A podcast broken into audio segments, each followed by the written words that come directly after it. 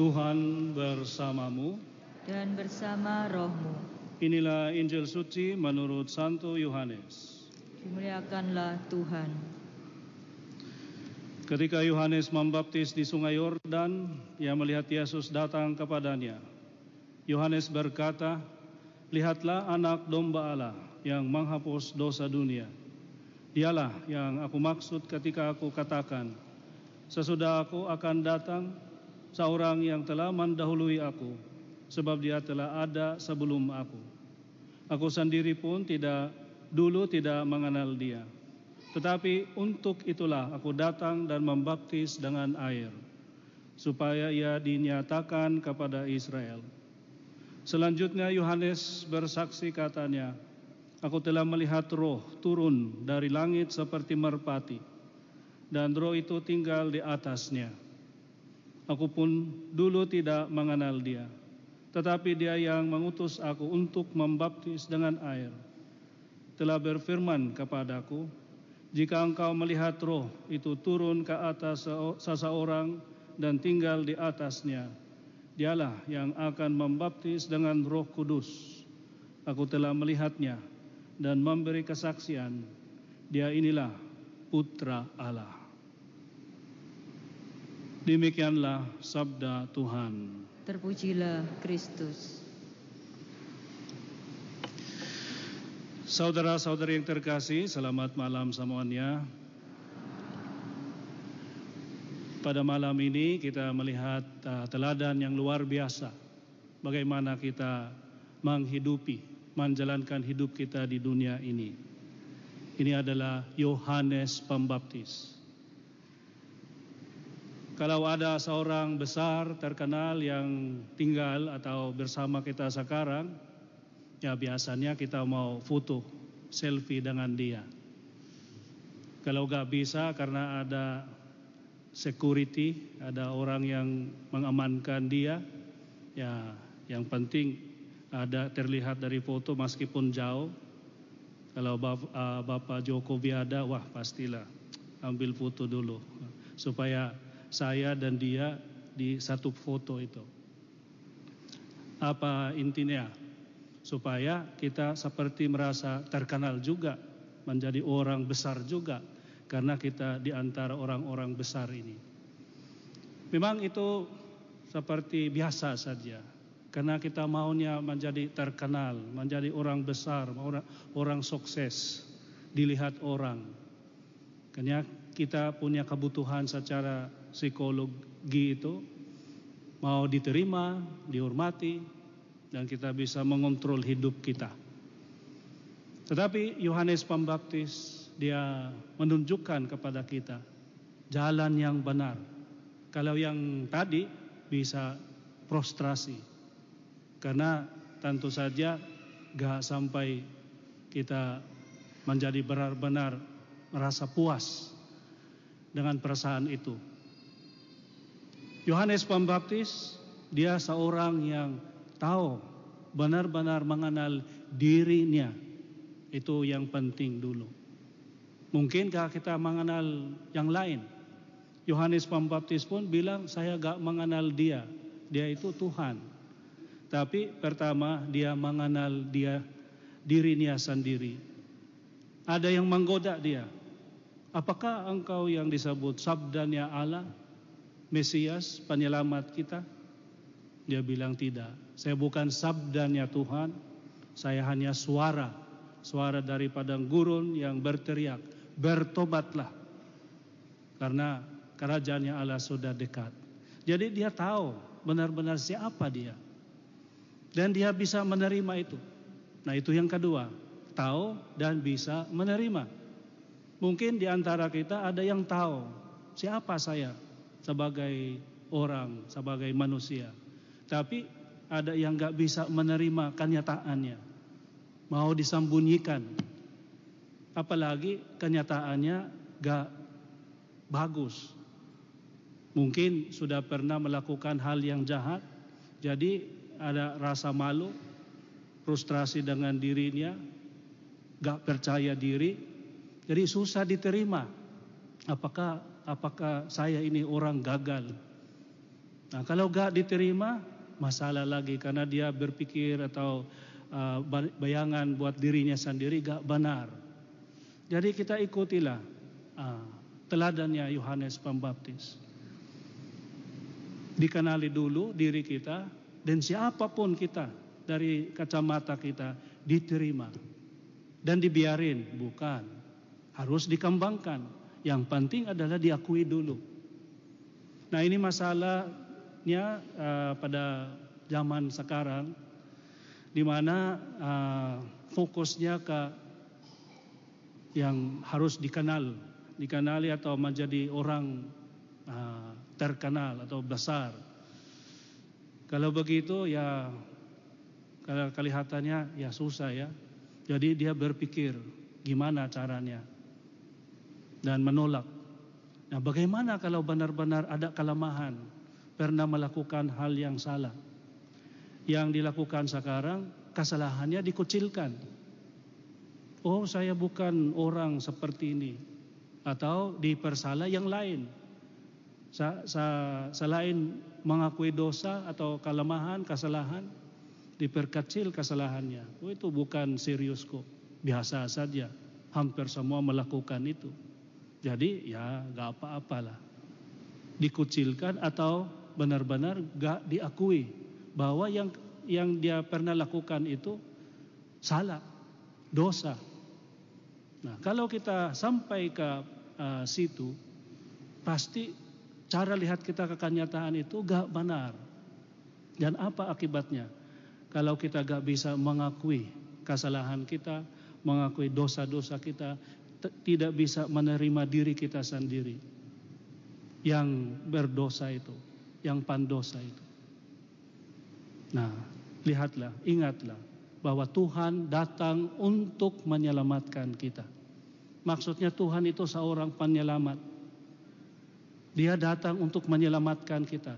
Kalau kita berpikir kita gak butuh keselamatan, gak usah diampuni.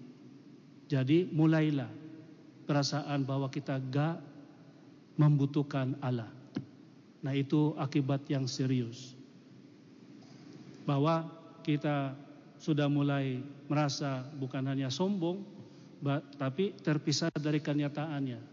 Pastilah satu uh, akibatnya menjadi orang sombong karena mau yang kecil itu dibesarkan. Maksudnya oh uh, fokusnya ke kepentingannya kalau gak dihormati marah-marah. Karena dia gak bisa melihat dirinya sebagai seorang yang rendah.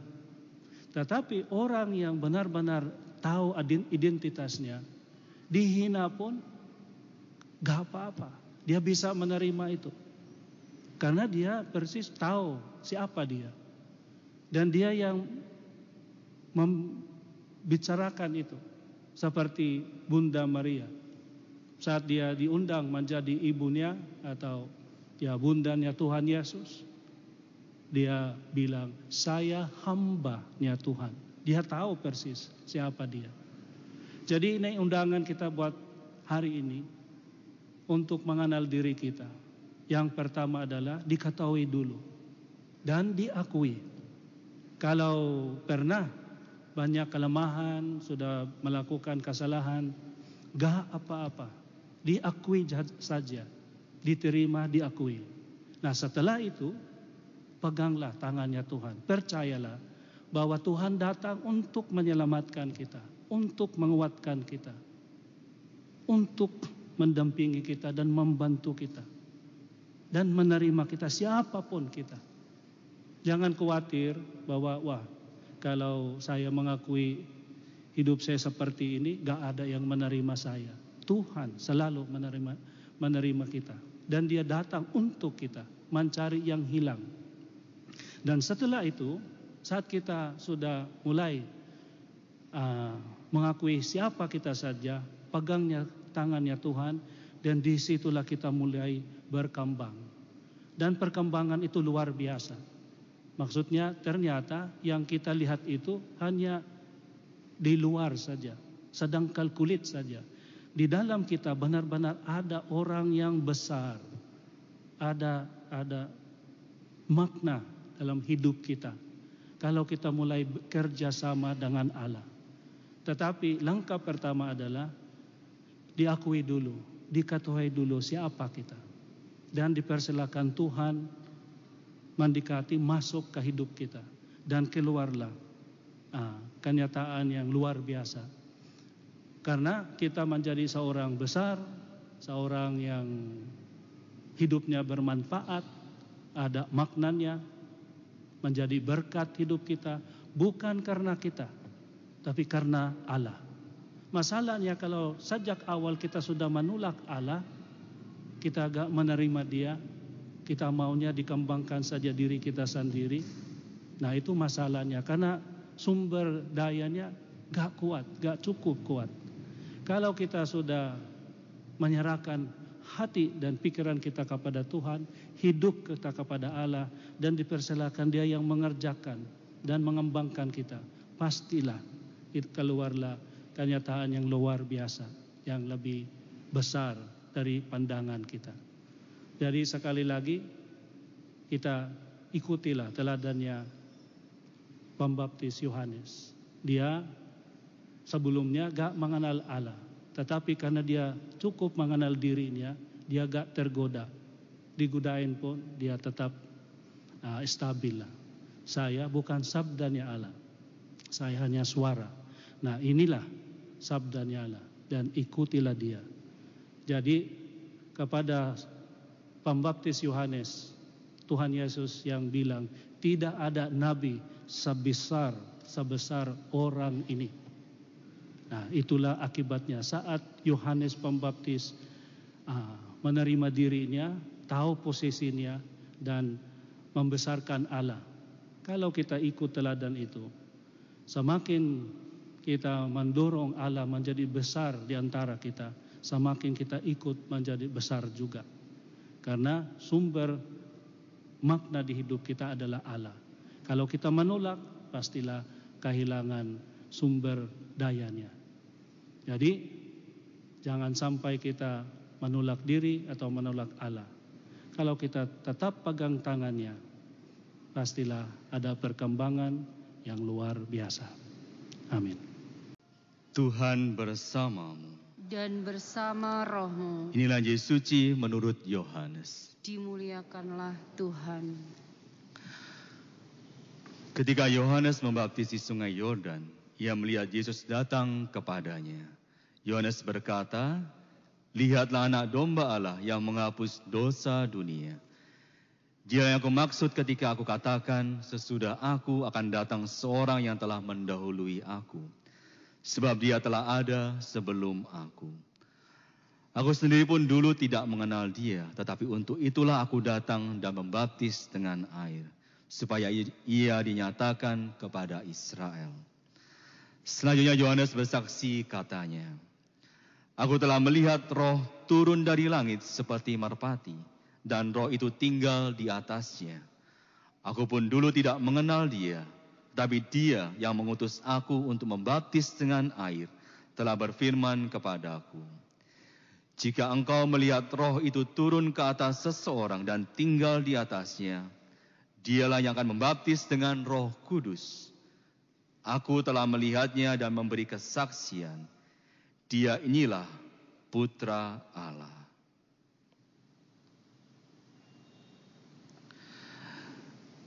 Saudari-saudara, demikianlah sabda Tuhan. Terpujilah Kristus.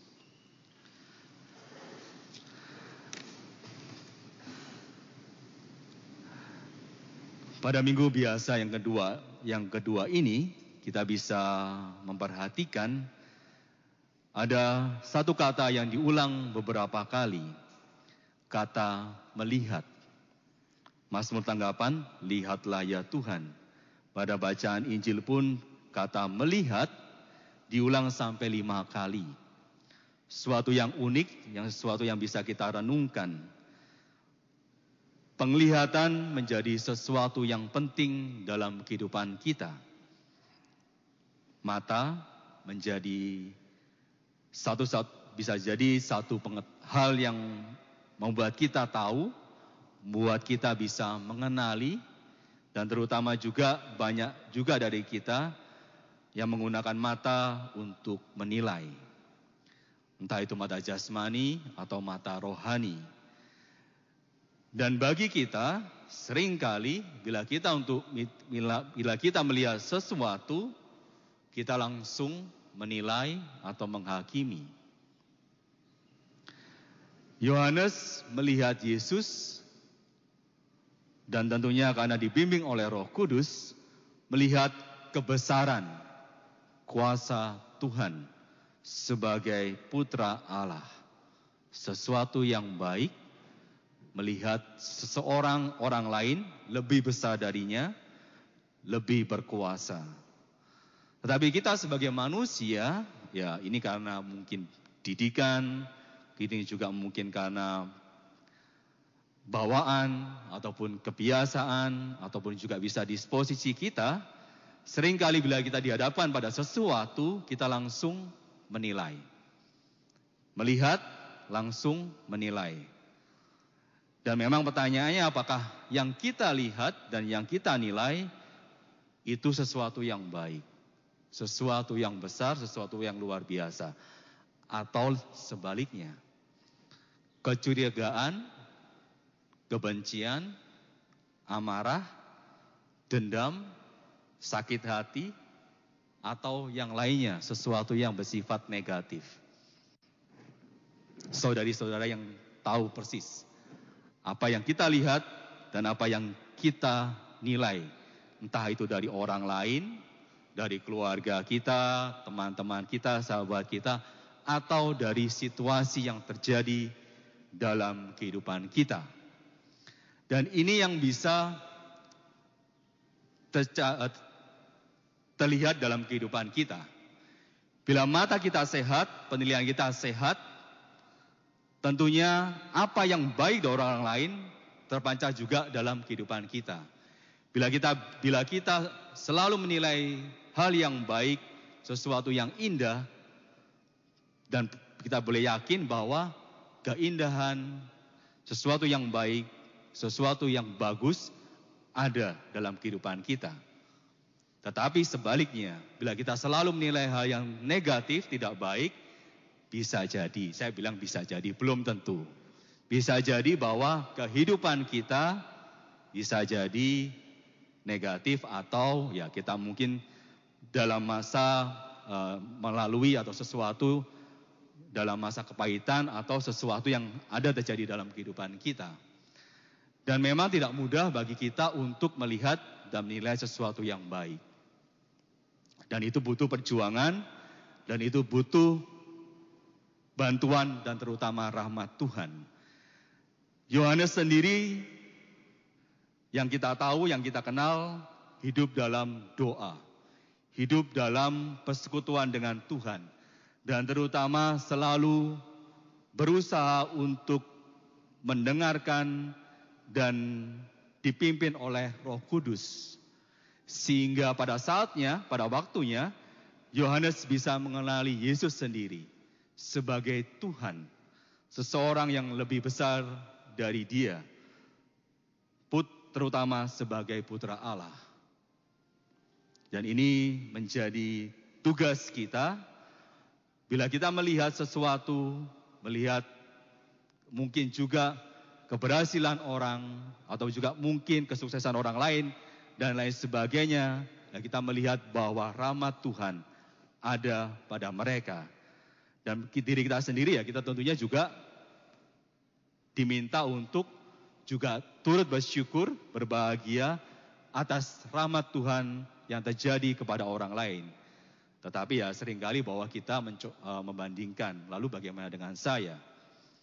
Dan kita yakin sebagai umat beriman bahwa rahmat Tuhan selalu ada untuk kita semua. Asalkan ya kembali bahwa kita selalu bersekutu dengan Tuhan dan selalu memohon pimpinan dari Roh Kudus. Dan kita memohon supaya Tuhan senantiasa memurnikan, menyucikan mata jasmani dan mata rohani kita. Lewat doa, lewat ekaristi. Dan bila mata kita, mata jasmani dan rohani kita dimurnikan oleh Tuhan, disucikan oleh Tuhan, maka di situlah kita dapat menjadi saksi. Saksi akan kemuliaan Tuhan, saksi akan kebesaran Tuhan. Dan orang yang baik, orang yang selalu bersekutu dengan Tuhan, selalu hidupnya dalam sesuatu hal yang baik. Rasa syukur, memuji Tuhan, memuji kebesaran Tuhan, terutama rahmat Tuhan yang tercurah dalam kehidupan diri sendiri maupun juga dalam kehidupan orang lain. Dan ini ya tentunya sesuatu yang baik akan selalu menarik, selalu membawa kepada hal-hal yang baik. Entah itu orang-orang baik, entah itu situasi-situasi yang baik. Dan bila terjadi ya dan kita yakin juga Tuhan pun juga memberikan ujian kepada orang-orang yang baik supaya kebaikan kita, keindahan yang Tuhan berikan kepada kita semakin dimurnikan. Bila kita melihat sesuatu, ya harapannya kita bertindak. Hari ini dari petapaan Rowo Seneng, Bruder, Okso hadir di tempat kita. Mereka berjualan dan pasti kita tahu mereka memang berjualan ini dari usaha mereka. Dari jeripaya mereka dan kita pasti tahu bahwa mereka mengandalkan atau menjaga kualitas. Bruder uh, memohon kepada Anda semua belas kasih dan juga kemurah hatian dari Anda semua, saudari-saudara kasih, untuk membeli produk mereka. Ada susu, yogurt, kemudian kalender dan juga kastengel. Mohon tidak hanya dilihat, tetapi juga saudari-saudara kasih bisa membantu mereka. Apa yang mereka jual ini adalah untuk kehidupan mereka dan juga para pekerja tentunya sehingga mereka juga dapat terus berkarya. Karya utama mereka adalah untuk mendoakan. Mendoakan kita semua menggunakan gereja ya dan semoga harapannya bahwa dengan doa-doa mereka kita pun juga semakin dimurnikan, semakin disucikan. Mata hati kita, mata jasmani kita dapat melihat hal yang baik. Dan ketika kita melihat hal yang baik, hal yang indah, kita juga menjadi saksi. Saksi akan kemurahan Tuhan, saksi akan kemuliaan Tuhan. Dan semoga juga bersama Yohanes yang dibimbing oleh Roh Kudus, kita semua juga dapat melihat mengenal Yesus sebagai putra Allah. The Lord be with you. and with your spirit. A reading from the Holy Gospel according to John. Glory to you, O Lord. John the Baptist saw Jesus coming toward him and said, Behold the Lamb of God who takes away the sin of the world. He is the one of whom I said, A man is coming after me who ranks ahead of me because he existed before me. I did not know him but the reason why I came baptizing with water was that he might be made known to Israel. John testified further, saying, I saw the Spirit come down like a dove from heaven and remain upon him. I did not know him, but the one who sent me to baptize with water told me, On whomever you see the Spirit come down and remain, he is the one who will baptize with the Holy Spirit. Now I have seen and testified that he is the Son of God. The Gospel of the Lord. Praise to you, Lord Jesus Christ. Please be seated. Selamat siang. Today I will give you three tips. And the three tips are also three secrets very ancient secrets. Secret to beauty, secret to wealth, and secret to happiness. You like that? The first one, the secret to beauty. In the Holy Land, there is a desert called Judean Desert. Jesus would go to that desert and preach. It's also near the Dead Sea. In the Dead Sea, that is the deepest part of the world, the lowest part of the world.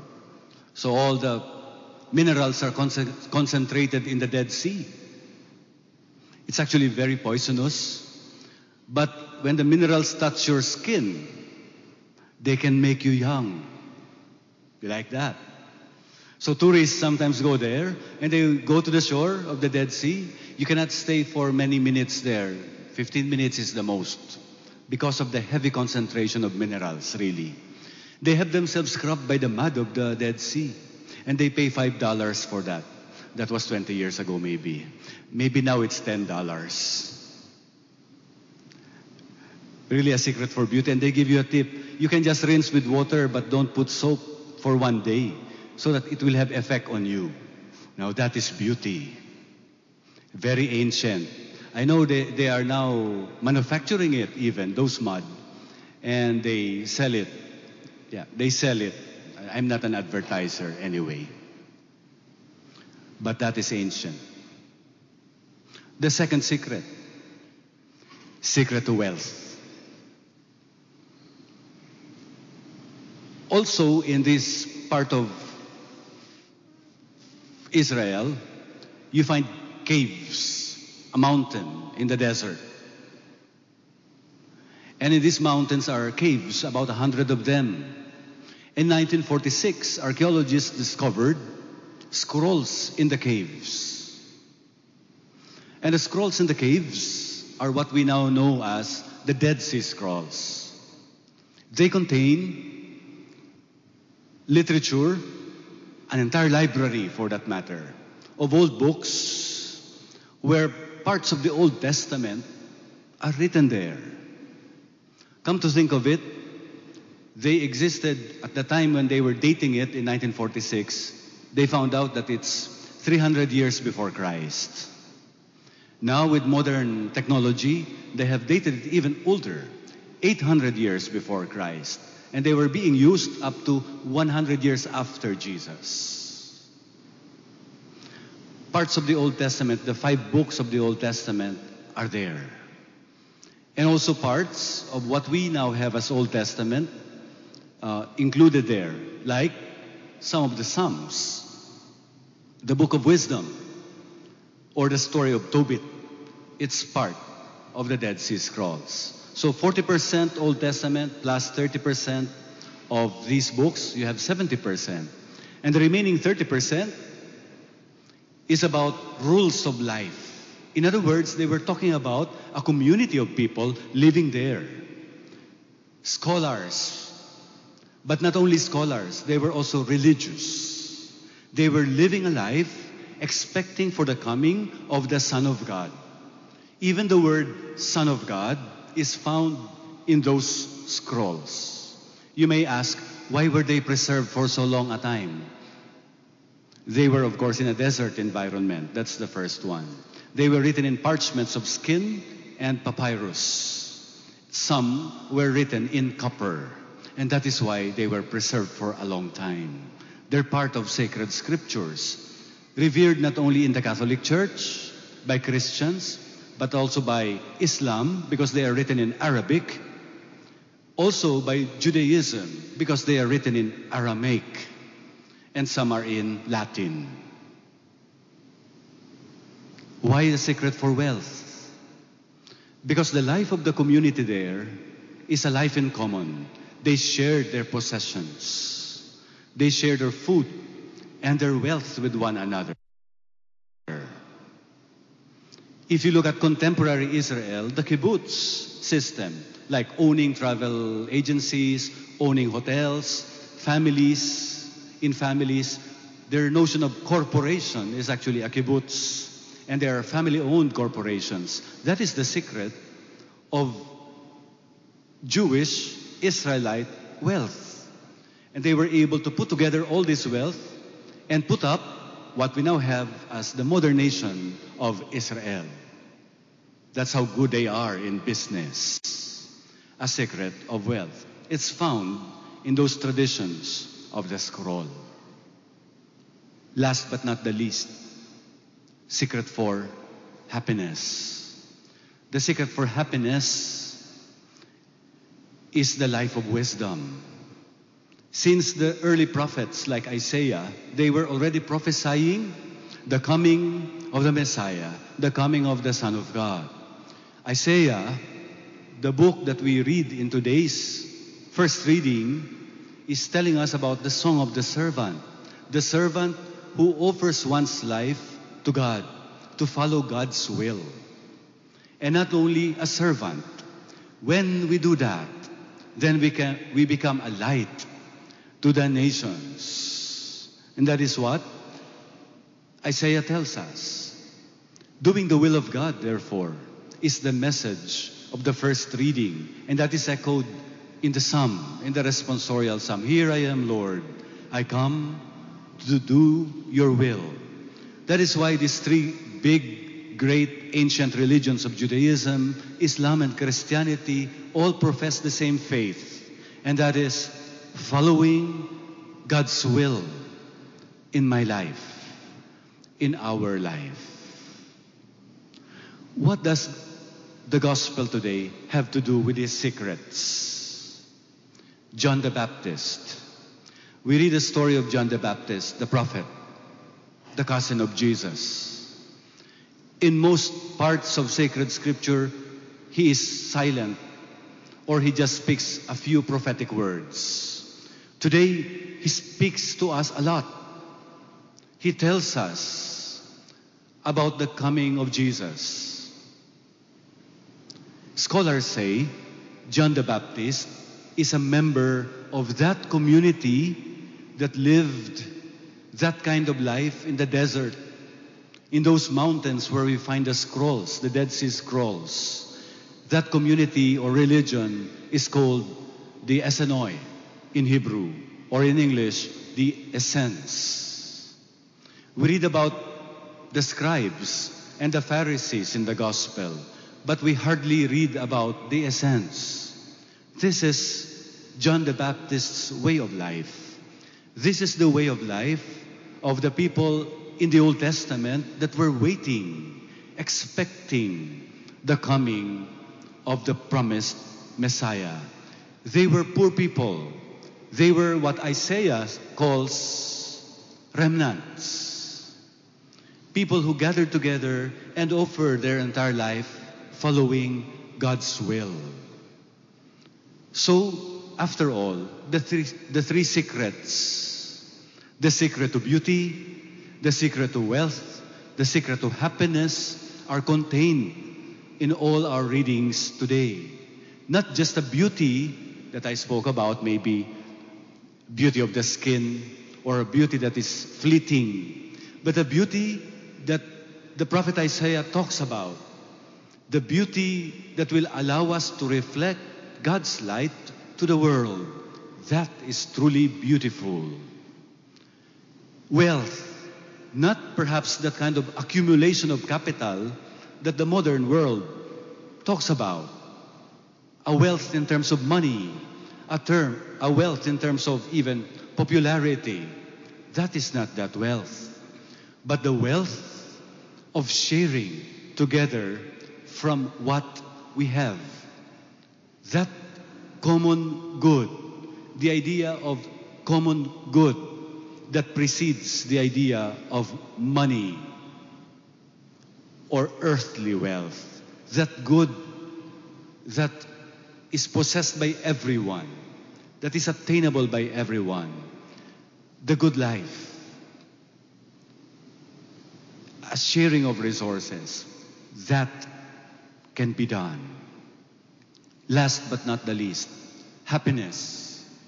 Happiness that is not just a worldly happiness, but a life in pursuit of wisdom. What they have found in the Dead Sea, these Dead Sea Scrolls, is actually a library, a treasure trove of ancient wisdom.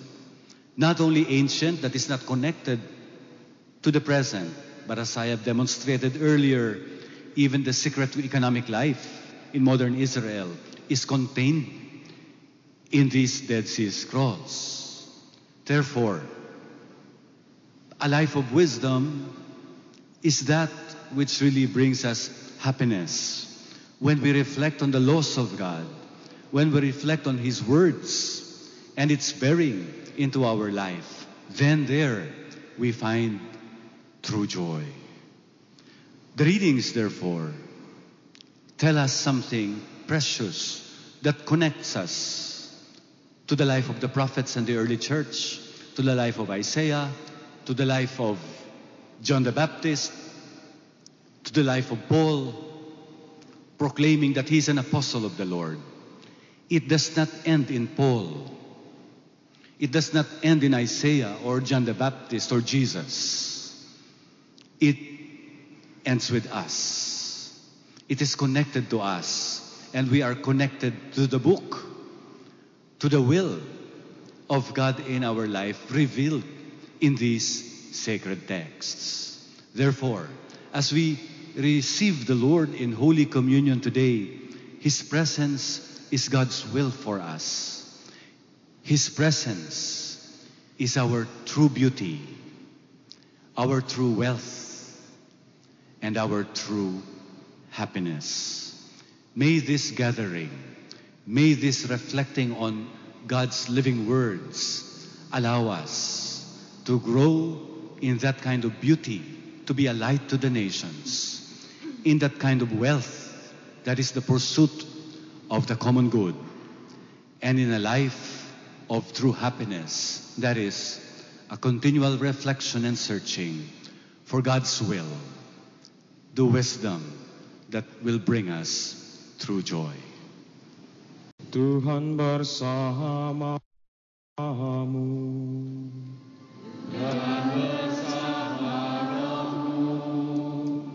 Inilah Injil suci menurut Yohanes.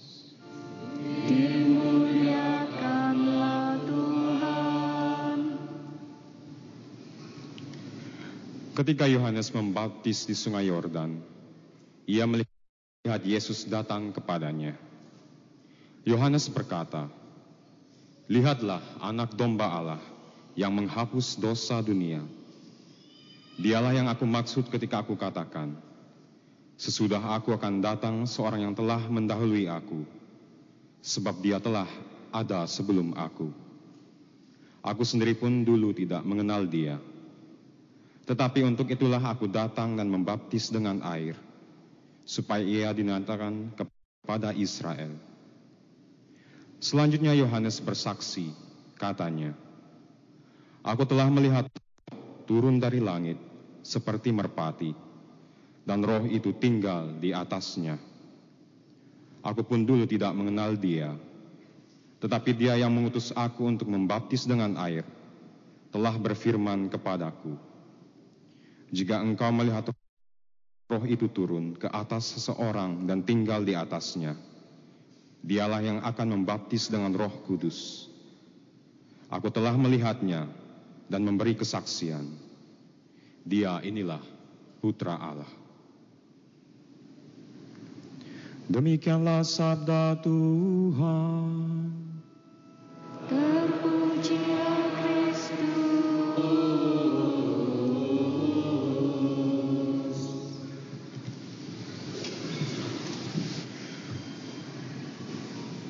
Bapak, Ibu, saudara-saudaraku yang dikasih Tuhan kita Yesus Kristus, selamat malam. Apakah boleh menyapa yang duduk sebelah kiri dan sebelah kanan dengan sapaan Tuhan memberkati? Silakan dengan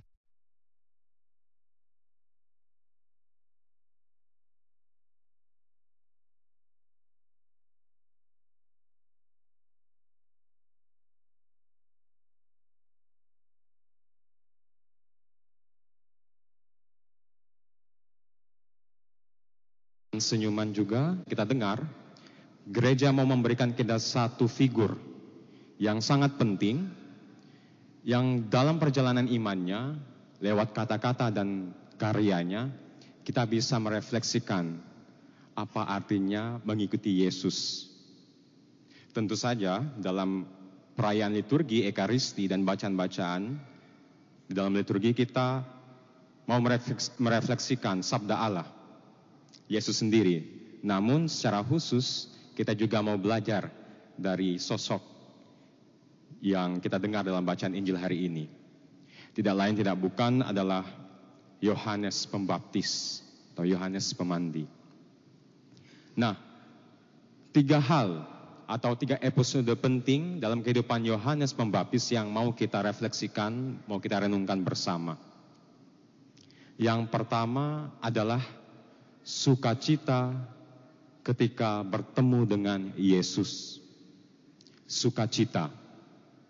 Jadi poin pertama yang mau kita refleksikan adalah ketika kita bertemu dengan Yesus ada sukacita. Dan ini dibuktikan dalam kehidupan Yohanes Pemandi bahkan sejak awal dari kehidupannya di dunia ini. Kita tahu di mana pengalaman sukacita ini boleh dialami oleh Yohanes Pembap- Pembaptis. Ketika Bunda Maria mengunjungi saudarinya, sepupunya, yaitu Elizabeth. Nah kita ingat, Elizabeth yang sudah, ya boleh dibilang usianya lanjut, kemudian mengandung, dan dikunjungi oleh sepupunya, Bunda Maria, dan saat itu ketika Bunda Maria menerima kabar, menerima sapaan dari Elizabeth, bayi yang dikandung oleh Elizabeth ini meronjak, melonjak kegirangan, melonjak kegirangan. Nah, sukacita yang seperti ini yang dialami oleh Yohanes sejak di rahim ibunya, ini bukti bahwa bertemu dengan Yesus, kita akan mengalami hal yang sama. Ada sukacita ketika kita menemui, bertemu dengan Yesus. Nah, saya punya pertanyaan. Kapan terakhir Anda mengalami pengalaman iman yang seperti ini, melonjak kegirangan? Mengapa kita melonjak kegirangan? Alasannya apa? Nah, salah satu alasan mengapa kita melonjak kegirangan adalah ketika kita mendapat kabar baik. Contohnya, contohnya mungkin untuk keluarga Katolik muda, jadi sebagai orang tua yang pertama kali, pertama kali sebagai orang tua, ini ketika anaknya yang dikandung kemudian dilahirkan, pasti ada sukacita yang luar biasa. Mengapa? Menunggu selama 9 bulan, merawat bayi yang di dalam kandungan, akhirnya kelihatan, dipegang, dirangkul, pasti ada sukacita. Mungkin sang ayah pasti melonjak kegirangan. Sukacita melihat anaknya sudah dilahirkan. Yang ditunggu-tunggu selama 9 bulan. Mungkin ada pengalaman yang lain. Melonjak kegirangan. Mungkin lamaran pekerjaan diterima. Atau lamaran proposal. Itu mungkin seorang pria yang berlutut di depan kekasihnya, kemudian memberikan cincin. Will you marry me? Ada sukacita di situ. Mungkin setelah itu ketika sang wanita mengatakan iya, melonjak kegirangan. Atau pengalaman-pengalaman lainnya, menerima kabar baik. Namanya kabar baik, pastinya kita nggak bisa simpan sendiri, ya kan? Yang namanya kabar baik, kita pasti akan menceritakannya kepada banyak orang. Dan terkadang reaksi fisik kita adalah dengan melonjak kegirangan. Nah itu reaksi fisik. Ada juga reaksi lain ketika kita mendapat kabar baik atau ketika kita bertemu dengan Tuhan Yesus dalam pengalaman perjalanan iman kita. Mungkin bagi teman-teman di sini, saudara-saudari di sini yang dibaptis secara ketika sudah dewasa ada pengalaman yang luar biasa. Mungkin ekspresinya tidak harus melonjak secara fisik, melonjak kegirangan, tapi kemudian semangatnya yang luar biasa, sangat-sangat termotivasi sebagai seorang Katolik baru dibaptis. Nah, pertanyaannya, Dan realitanya, kenyataannya tidak tidak selamanya kita mengalami hal yang seperti ini. Syukur-syukur misalnya setiap hari yang kita alami adalah melonjak kegirangan. Kita mengalami sukacita dalam hidup kita. Dalam relasi kita, dalam keluarga, pekerjaan kita baik-baik saja. Kita akan sangat-sangat mengalami sukacita yang seperti ini. Tapi kadang juga atau bahkan beberapa dari kita mungkin saat ini sedang mengalami bukannya melonjak kegirangan tapi terjun, jatuh. Bukannya mengalami sukacita, tapi yang dialami adalah kepiluan, kesedihan, duka cita. Nah, bagaimana sikap kita ketika kita mengalami hal yang seperti ini? Kita bahkan tidak mampu untuk melonjak kegirangan. Yang kita alami justru adalah jatuh terpuruk. Kita mau diingatkan oleh Yohanes Pemandi. Kembali kepada sumber sukacita itu. Kembali kepada sumber sukacita itu. Bertemu lagi, sekali lagi kepada Tuhan Yesus. Dan kita akan dipulihkan, sukacita kita akan diberikan kembali. Kita akan mengalami sukacita yang luar biasa. Mengapa? Karena sukacita yang sejati itu bukan tentang perasaan. Sukacita yang sejati itu bukan perasaan. Sukacita yang sejati adalah sukacita Kristiani. Artinya apa?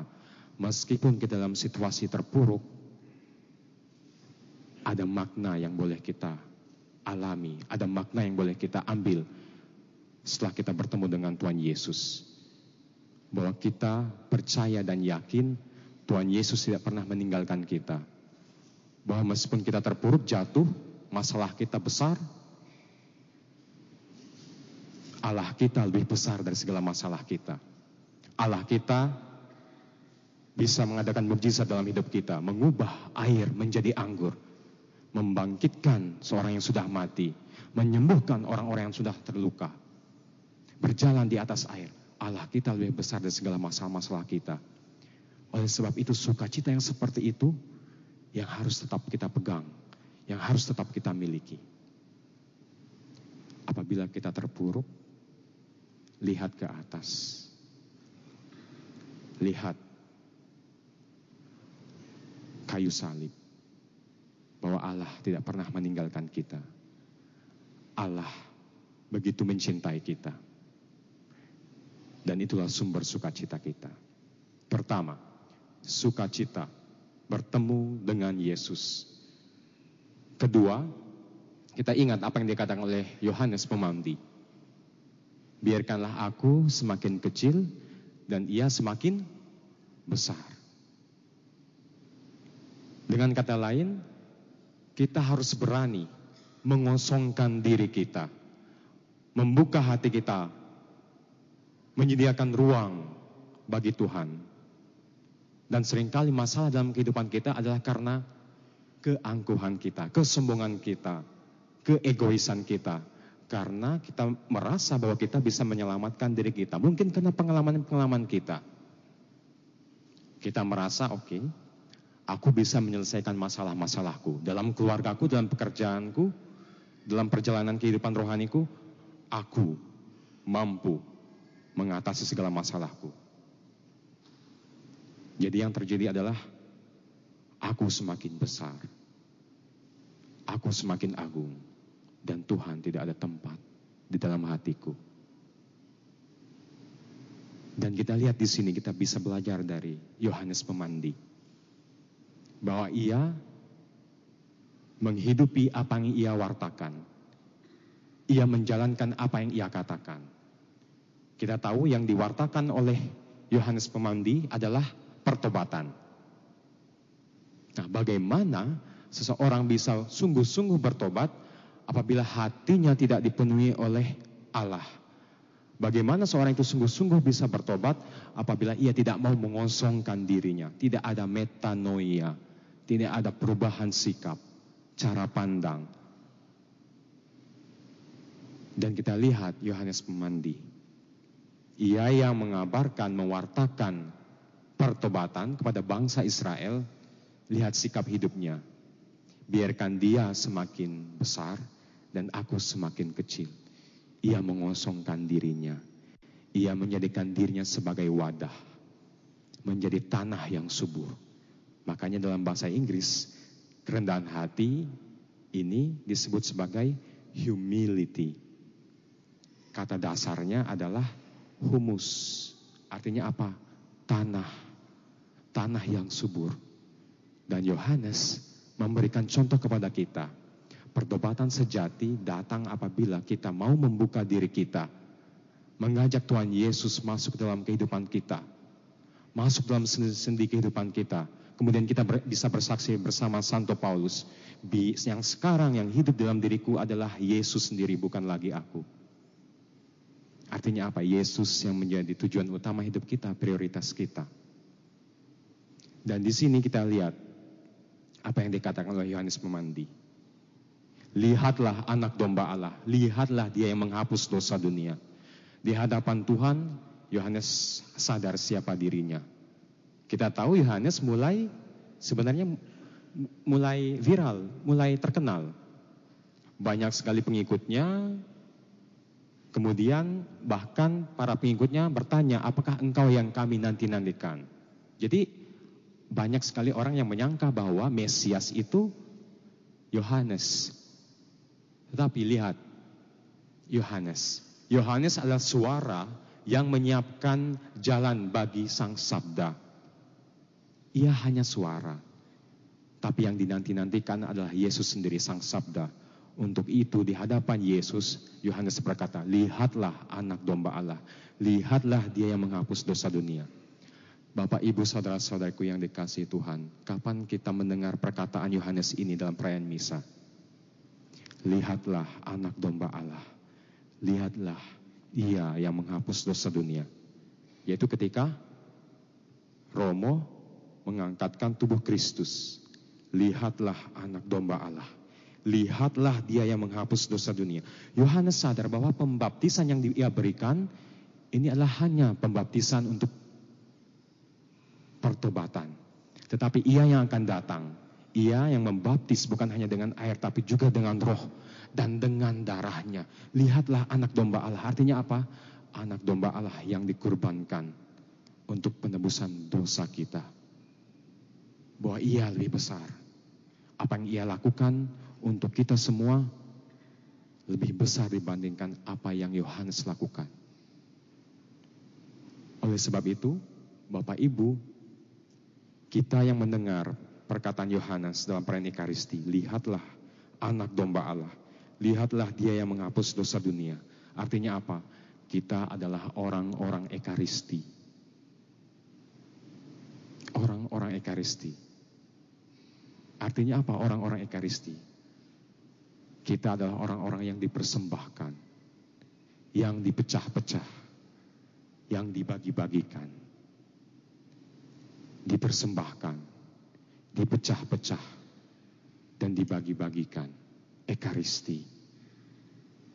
Cinta kita harus menjadi cinta yang ekaristi.